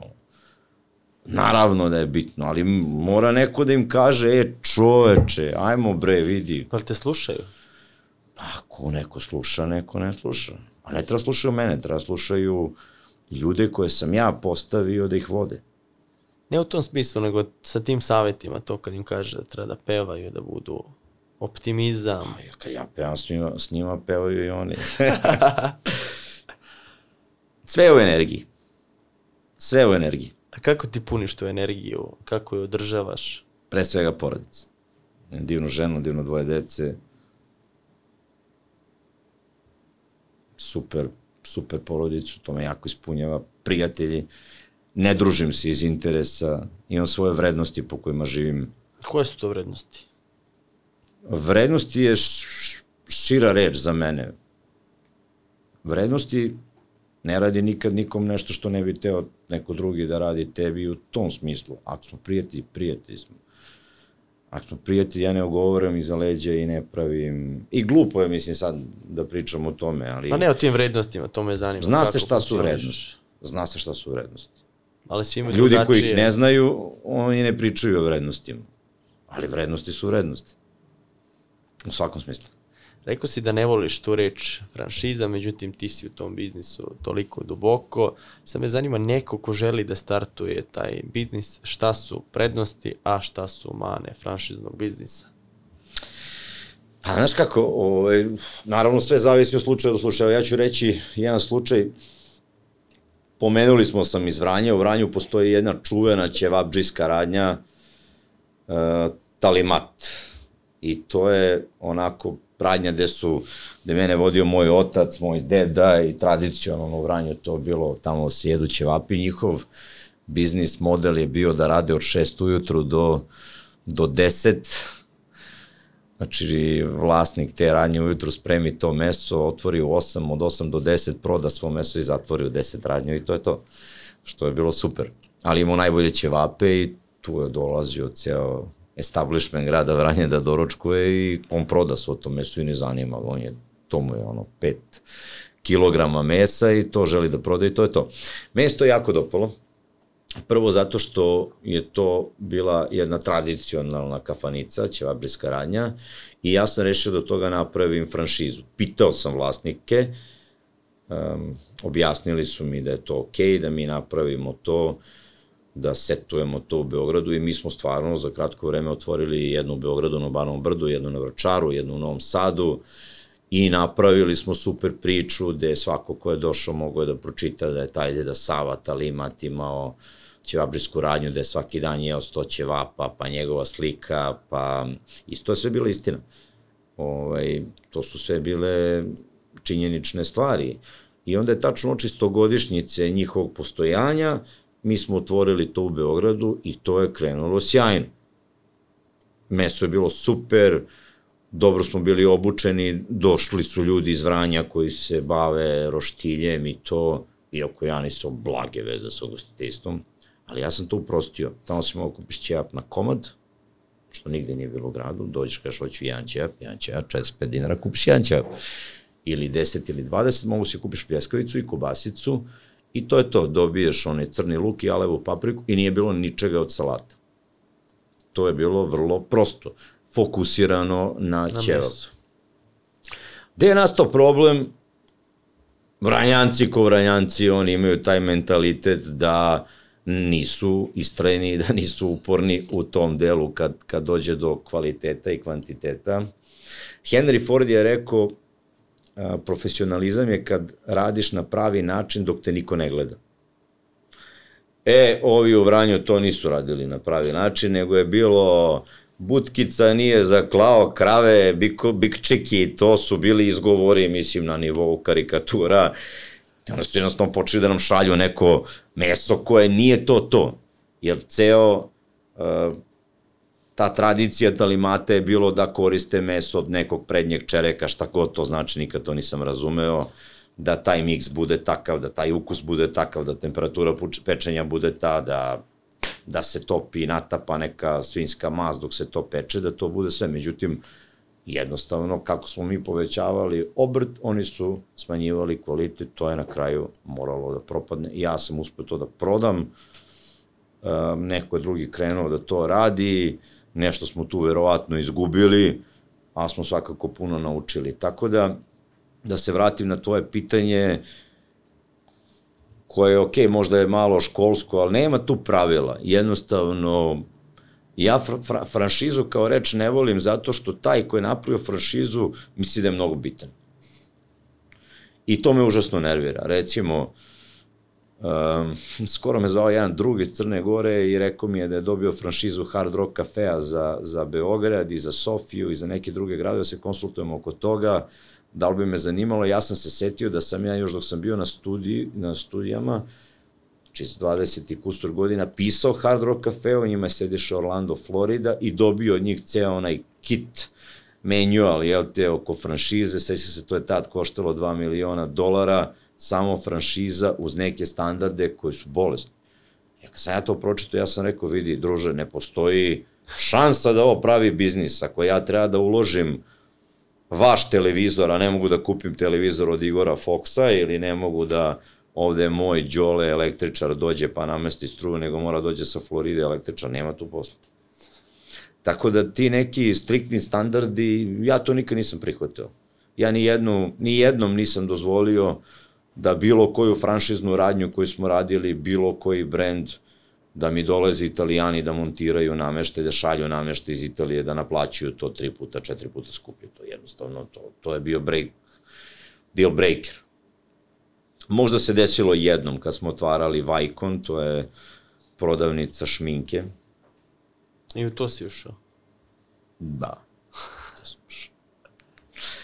Brzo ulazim u posao, a još brže izlazim. Ako... Šta je to bio ovaj- problem? Idealan proizvod? niske cene. To smo napravili ja i moj jedan partner iz Slovenije, Mitijač, je bila ideja da to radimo, koji je super dečko sa sjajnim iskustvom, čiji je tata bio direktor Mure, isto imao iskustvo malo prodaje u tekstilu, on je radio u, u, u Modijani, odnosno u, u, u toj slovenačkoj firmi. Pa sve je zvučalo super. Na biznis plan, cash flow model, cenovne kategorije, ciljna grupa, lokacija, to je bilo u Knez Mihajlovo i napravili smo stravo otvaranje, podelili 200 besplatnih karmina, 400, ne znam, sve po biznis planu i sve po toj franšizi kako su oni radili. Delovalo da će da bude super dobar projekat, međutim, ispostavilo se da naše tržište nije bilo spremno za mono shop, ženske, pristupačne, nikad ne govorim jeftine ovom poslu, kozmetike I jednostavno to nije krenulo kako treba. Delom su imali tu krivicu italijani, odnosno to je bila firma iz Napulja koji su vrlo specifični ljudi, posle se ispostavilo da možda radi neke druge stvari sem što, sem što razvijaju taj brand Vajkon i da su tu i neki novci od neke te gomore ili koga već iz Napulja, što mene nije zanimalo na kraju krajeva, ja sam gledao da tu čisto i, i pametno radimo, međutim, eto, tu smo izgubili veliki novac, preko 300.000 evra, ja i moj partner Mitija. Trajali smo godinu dana i onda je došla i korona, a i da nije došla korona, jednostavno to se videlo od samog početka da ne može da bude uspešno iz x nepoznatog faktora. Nekad pravila ne postoje. A kad znaš to je? Znaš posle mesec dana? Ja znam ili... prvog dana. Ja sam znao kad je ta radnja, ta radnja otvorena i sutradan je imala neki pazar od recimo 400.000 dinara. I ja sam znao da to neće biti uspešno, da to nije normalno. To je bio ekstremno veliki pazar u odnosu na sve druge radnje koje sam otvarao i tu mi je nešto isto maka govorilo da je ovo samo rezultat toga što je novo i tako je krenulo. Prvi mesec, drugi je bio okej, okay, po nekom planu koji smo napravili iznad njega, onda se odjednom to samo struvalilo, jer jednostavno, bilo je tu puno grešaka, recimo nama su italijani poslali pudere, maskare i, i sad ne znam, ja se baš nisam bavio operativno tom robom, to je čak radila moja supruga, u tom trenutku oni su nam poslali to za crnkinje, znači za tamno pute žene. I sad mi smo ostali ono stak sa gomilom nekog stoka koji nisu hteli da nam vrate, pa su nas naterali da kupimo nameštaj u Italiji, ono, nešto što bi koštalo u Srbiji 20-30 hiljada evra, mi smo morali da platimo 100 hiljada. To je odmah već sve krenulo u početku kako ne treba, iako smo mi to detaljno i vrlo pažljivo analizirali. I onda je nastala korona, nažalost, koja je mnoge stvari poremetila, pogotovo malo prodeji, pogotovo generalno, generalno u biznisu. Meni lično takođe, jer sam nažalost izgubio roditelje u koroni i to negde u isto vreme, što mi je stvarno strašno. Meni i svim ljudima oko mene, naročito moje deci. Ali eto, i to je, i to je živo. Drugo, ta korona je Mi smo u jednom trenutku imali situaciju da je 30 radnji zatvoreno, da niko nije teo spusti kiriju u početku, posle su shopping centri i ovaj, zakupodavci malo olabavili, ali u početku je to bilo ma sve okej. Okay. Pa smo bili zatvoreni neka, neki par meseci, sad si ne sjećam koliko. Jel nisi gubio optimizam tada? Onaj koji smo malo pre spomenuli.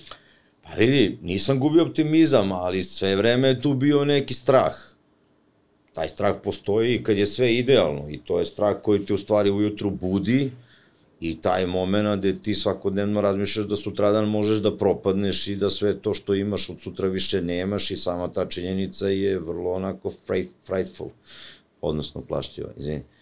Ovaj, ali, I to je prisutno stalno tokom cijelog. Ja, je to prisutno kod Bill Gatesa, kod uh, Alana Greja, kod Vorena Buffetta i kod svih drugih. Ja verujem da i Warren Buffett ustaje sa činjenicom da, da će verovatno danas da izgubi sve što ima.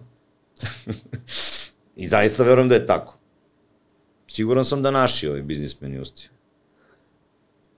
Mislim da je to u prirodi neko ko se bavi biznisom. Ali je taj strah i dobar, jer taj strah te budi ujutru u šest, taj strah te natera da gledaš svaki dan svoje izvode. Da se ne opustiš. Taj strah te natera da vodiš računa da te neko ne potkraja, taj strah te natera da ne pocenjuješ protivnika, taj strah te natera da si na ivici, da si šarp sve vreme. Muška moda, ženska kozmetika, hrana i opet si pokrenuo nešto vezano za hranu, a to pa je u kepo. koroni je bilo, e, da, doćemo do kepa, do kepa, ali u koroni ja sam bio onako poprilično u problemu, u smislu ja moram pod hitno nešto drugo da krenem da radim, jer ja trenutno od retaila ne mogu da plaćam mesečne obaveze BGN koje su na mesečnom nivou preko 200.000 evra. Znači, budim se sa 30.000 evra minusa, nemam prihode, radnje su mi zatvorene, ljudi traže platu, država je nešto pomogla, hvala im na tome, Ali s druge strane mi moramo nešto da radimo. Ono što je bilo dobro što su tad bile one garantne šeme, pa smo bili u prilici da se dosta zadužimo, jer smo imali vrlo dobre bilansne pokazatelje. I ja sam odmah tu povukao par miliona evra kredita, nisam ni razmišljao šta ću u trenutku da radim. Onda sam sedeo, sedeo, razmišljao i rekao ja moram da trgujem svim i svačim. Onda sam ja u koroni počeo da uvozim pasulj iz Južne Afrike. Jesu to oni kontakti koje si ostvarivao tokom života, karijere? Da, to su tačkice one o kojima smo pričali na početku, koji se nekad negde spoje, iako ne znate gde će se spojiti. Tad su se spojili. Kako si došao do pasulja? Pa ne, kupiš pasulj. A gde si ga kupio? Ko, ko je kontakt? U Južnoj Africi od velike svetske korporacije koja, koja trguje pasuljem, a pomogla mi je jedna moja drugarica Bilja, koja se žena inače bavi trgovinom. Ona je znala to, mi smo imali više kapitala da uložimo, dogovorili odnose u tom poslu i to je prošlo okej. Okay. Onda smo kupili pirinač iz Vijetnama, kupili smo iz Turske zaštitnu opremu za, za koronu, maske, rukavice, mantile, špriceve, sve što je moglo. Jednostavno, tate niko ne pita, to je čist darvinizam. Morali smo da radimo. I ono što je dobro, što su neki od tih poslova koji su bili ok, oni su ostali. Mislim, morali smo da radimo prvo da bi mogli da održemo sistem, da plaćamo račune, da plaćamo plate. Drugo, ja znam šta se dešava kada firmi padnu prometi. Više nijedna banka neće priča s tobom, ti si za njih mrtav čovek, ja sam sve radio samo da održim promete firme i u koroni, jer sam znao kad to prođe da će svi gledati šta i kako. Tako da to smo uspeli, to mi je bilo jako važno. Počeli smo da trgujemo mesom, ništa mi od te robe nismo videli, niti je mene to zanimalo. Šta mene briga? Meni je bilo važno da ako sam ja uzao 2 miliona od banke, da ja to izvrtim na 3, 4, 5% mesečno, da napravimo neku razliku u ceni koja može da pokrije plate, koja može da pokrije troškove firme i koja može da održava sistem dok nam se ne vrati posao retaila. Paralelno s tim, mi smo u koroni čak i krenuli, neposredno posle korone, sa novim projektom Dan John, to je italijanski brend koji zastupamo, gde smo u prvoj godini otvorili osam maloprodajnih objekata, otprilike od 200-250 kvadrata svaki. Gde smo postigli sjajne cene, ako slušaju ovi shopping mall ovo ne bi trebalo možda da pričam, ali jesmo ispregovarali dobre cene u trenutku kada niko nije investirao, Ispregovarali smo dobre cene sa dobavljačem u Italiji, sa firmom Dan John Italija i sa mojim prijateljem Daniele Raka, isto jedna od velikih rimskih porodica. Ja sam studirao sa njegovom decom u Rimu, tako ga i znam. On je pre Dan Johna napravio brand Hello Kitty, pre toga Deputa Madre, sjajan lik, vrlo kreativan čovjek. Um, ja sam došao i rekao mu, ok, sad je vreme da radimo Dan John, iako sam ja pratio razvoj Dan Johna od 2010. godine, kad je prva radnja otvorena ulici Via Tritone, ja sam odmah otišao kod Daniela, jer je moj drugar Andreja Dikave oženio njegovu čerku, sam ja odmah otišao do Daniela, onda sa sedeli smo, pričali smo par sati, on je meni pokazao rezultat te radnje prve nakon godinu dana, bilo je milion i 13 hiljada evra prometa, što je jako dobro za neku novu radnju, čak i u Rimu. Daniele Rakaj i njegov partner Giovanni danas imaju preko 200 Dungeon radnjih kompaniju sa 150 miliona evra prometa, Bojano je deo tog sistema, mi njih zastupamo u Srbiji, u regionu, trenutno pregovaramo neke druge zemlje sa njima, u Rusiji smo zajedno, I to je ta, taj sistem kako vi sada otvarate radnje, ne ideš jedno po jedno, već odmah idemo. Osam radnji, odmah na veliko. Kako si siguran da će taj brend da uspe u Srbiji? Ili Nisi, na nekom tržištu. Nisi nikad siguran. A kako uletiš sa osam radnja? Šac jedno? metoda, što Šac kaže metoda. gospodin Mišković. Moram da ga citiram, izuzetno ga cenim.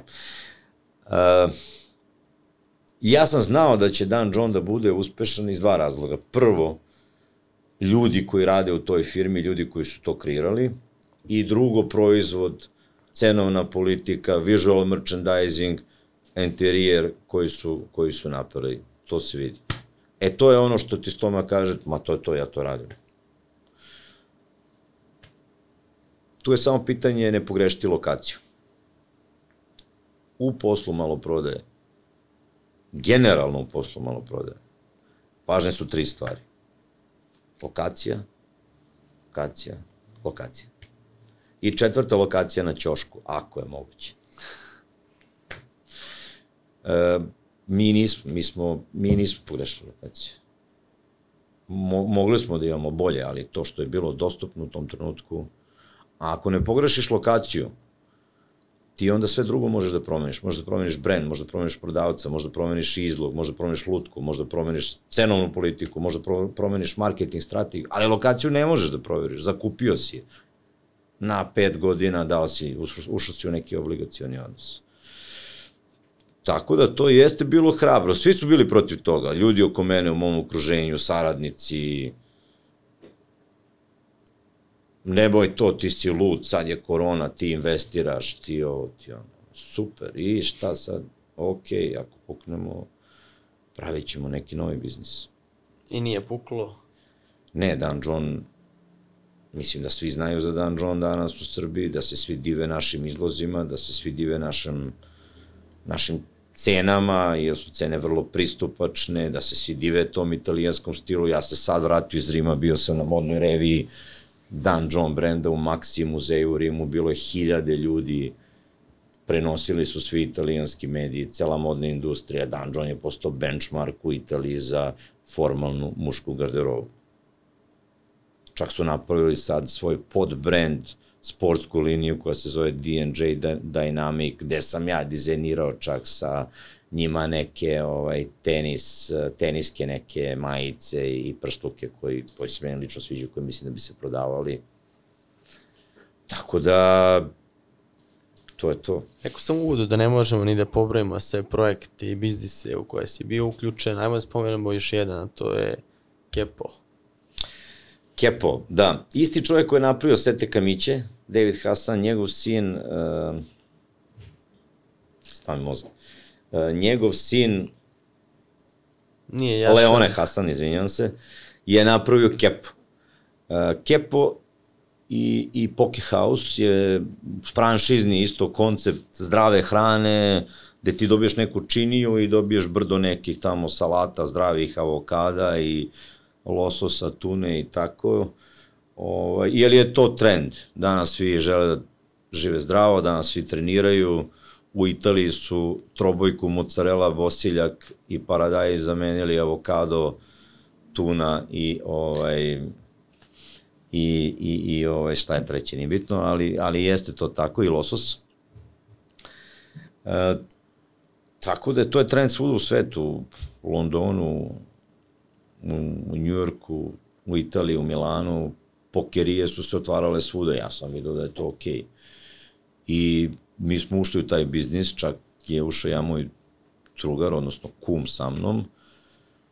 Ajde da probamo, napravili smo jedan super uh, mali sladak lokal na Vračaru, razvili ga, radili godinu dana i on smo dobili ponudu W Sushi grupacije koja se inače bavi ugostiteljstvom vrlo ozbiljno i na mnogo većem nivou nego mi da to prodamo. Tako da želimo im svu sreću, oni to nastavljaju da razvijaju, mislim da se sad otvara u galeriji, ušću i, i tako dalje u sve njihove druge suši restorane, imalo je smisla vertikalno se integrisati i kupiti kepu. Možda smo mi to trebali da razvijemo na 7, 8, 10 lokacija, pa tek onda da prodamo, ali jednostavno teško je, teško je naći radnike, teško organizovati sve to. Nismo imali vremena ni ja ni moj prijatelj da se time bavimo toliko duboko, ali ono što smo napravili je bilo super, ok, inače to neko ne bi video i neko ne bi kupio. A kako održavaš fokus? Na toliko različitih strana si, toliko različitih biznisa, kako A nisam, taj fokus nisam, održavaš? ja moram da, da budem jasan. Core biznis moje firme je tekstil, malo prodaja, franšiza. To je jedna firma. Druga firma se bavi trgovinom. U trgovina je trgovina. Da li trgovao pasuljem, pirinčem ili energentima, sve je to, sve je to ok. Fokus se održava tako što se ustane u 7, tako što se postoje a, hiljadu WhatsApp grupa, tako što sam 9 sati dnevno na telefonu, što, evo, izvinjavam se moj ženi i moje deci, ali jednostavno ne postoji drugi način. I tako što propratiš sve. I tako što odigraš dva sata tenis svaki dan, da se resetuješ tako što imaš možda terapeuta ili psihoterapeuta i tako što gledaš da ostaneš zdravi, tako što se sve na vreme napiješ u kafani, da sve, svi ti demoni izađu da bi mogo budeš normalan za sebe i za svoju porodicu. Tako znači, da to je recept. Između ostalog i to. Šta danas čitaš? Rekao si šta si čitao kad si bio mlađi, šta danas čitaš, da li uopšte čitaš? Kad sam bio mlađi, iskreno nisam puno čitao. Više sam onako, obožavao sam filmove, ne znam, stripove.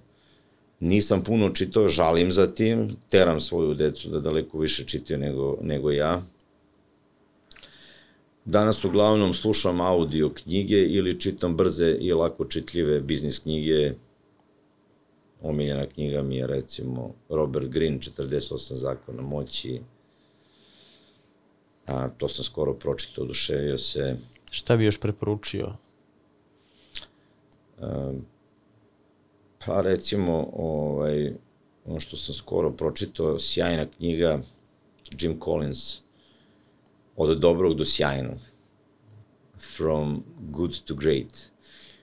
Knjiga je napravljena kao jedno veliko empirijsko istraživanje gde je čovjek godinama upoređivao šta je to što čini kompanije dobre i one sjajne i kakve su razlike ne samo kompanije, već i lidere i menadžere koje vode sve te kompanije. Tamo je knjiga baš onako pomerila, jer, jer nisam znao da, da tako neko može duboko da, da pristupi ovaj, tako jednoj analizi. Iako mi se dopala, Inače mi je omiljena knjiga svih vremena Grof Monte Cristo i Dima mi je ovaj, omiljeni pisac, pogotovo u toj knjizi gde se vidi sve ono što jedan čoveku može u životu da se desi, pa negde i sebe sa tim poistovećujem i taj odlazak na jel te, pusto ostrvo ili zatvor i, i uspeh i neuspeh i kako se tu ponašaju prijatelji i kako se u jednom društvu neko takav morao prilagoditi kao što je ovaj, Edmond Dantes u Parizu, kasnije je te grof ovaj, Monte Crista sa, sa lokalnim establishmentom, sa kulturom, kako neko iz male sredine i neko ko je morao se bori sam. Iako sam ja početni kapital nasledio od oca, ali moja ideja je bila da ja zvučaće možda vrlo grubo, ali ja sam to morao da negde omalovažavam iz razloga da bi svoj put kreirao. Inače si uvek u senci oca. te kad kaže otac sinu, sine, ja te volim. Sin ne kaže tata volim i ja tebe, sin kaže i ja ću svog sina da volim. Ako će sin da se bavi isto nekim biznisom i to obično tako razmišljaju. To je bilo u mom slučaju. Ja sam morao da granim svoj put. Meni ni jedna očeva veza u Beogradu nije pomogla. Čak šta više, gledali su samo da me sapletu. Ja sam svoj put gradio i nekako se trudio da to, naravno, uz ogromno poštovanje prema, prema roditeljima, prema ocu, prema onome što je on radio i čime se on bavio i prema mogućnosti da mi pruži da se školujem uopšte u Americi, inostranstvu, ja i moja sestra, ali s druge strane sam gledao da ja svoj put gradim i da svoje prijatelje stvaram i da učim na svojim greškama. Kad bismo morali da izvučemo jednu ili jedan ključan savjet iz ovog cijelog razgovora, koji bi to bio savjet za ljude koji gledaju i slušaju? Za preduzetnike?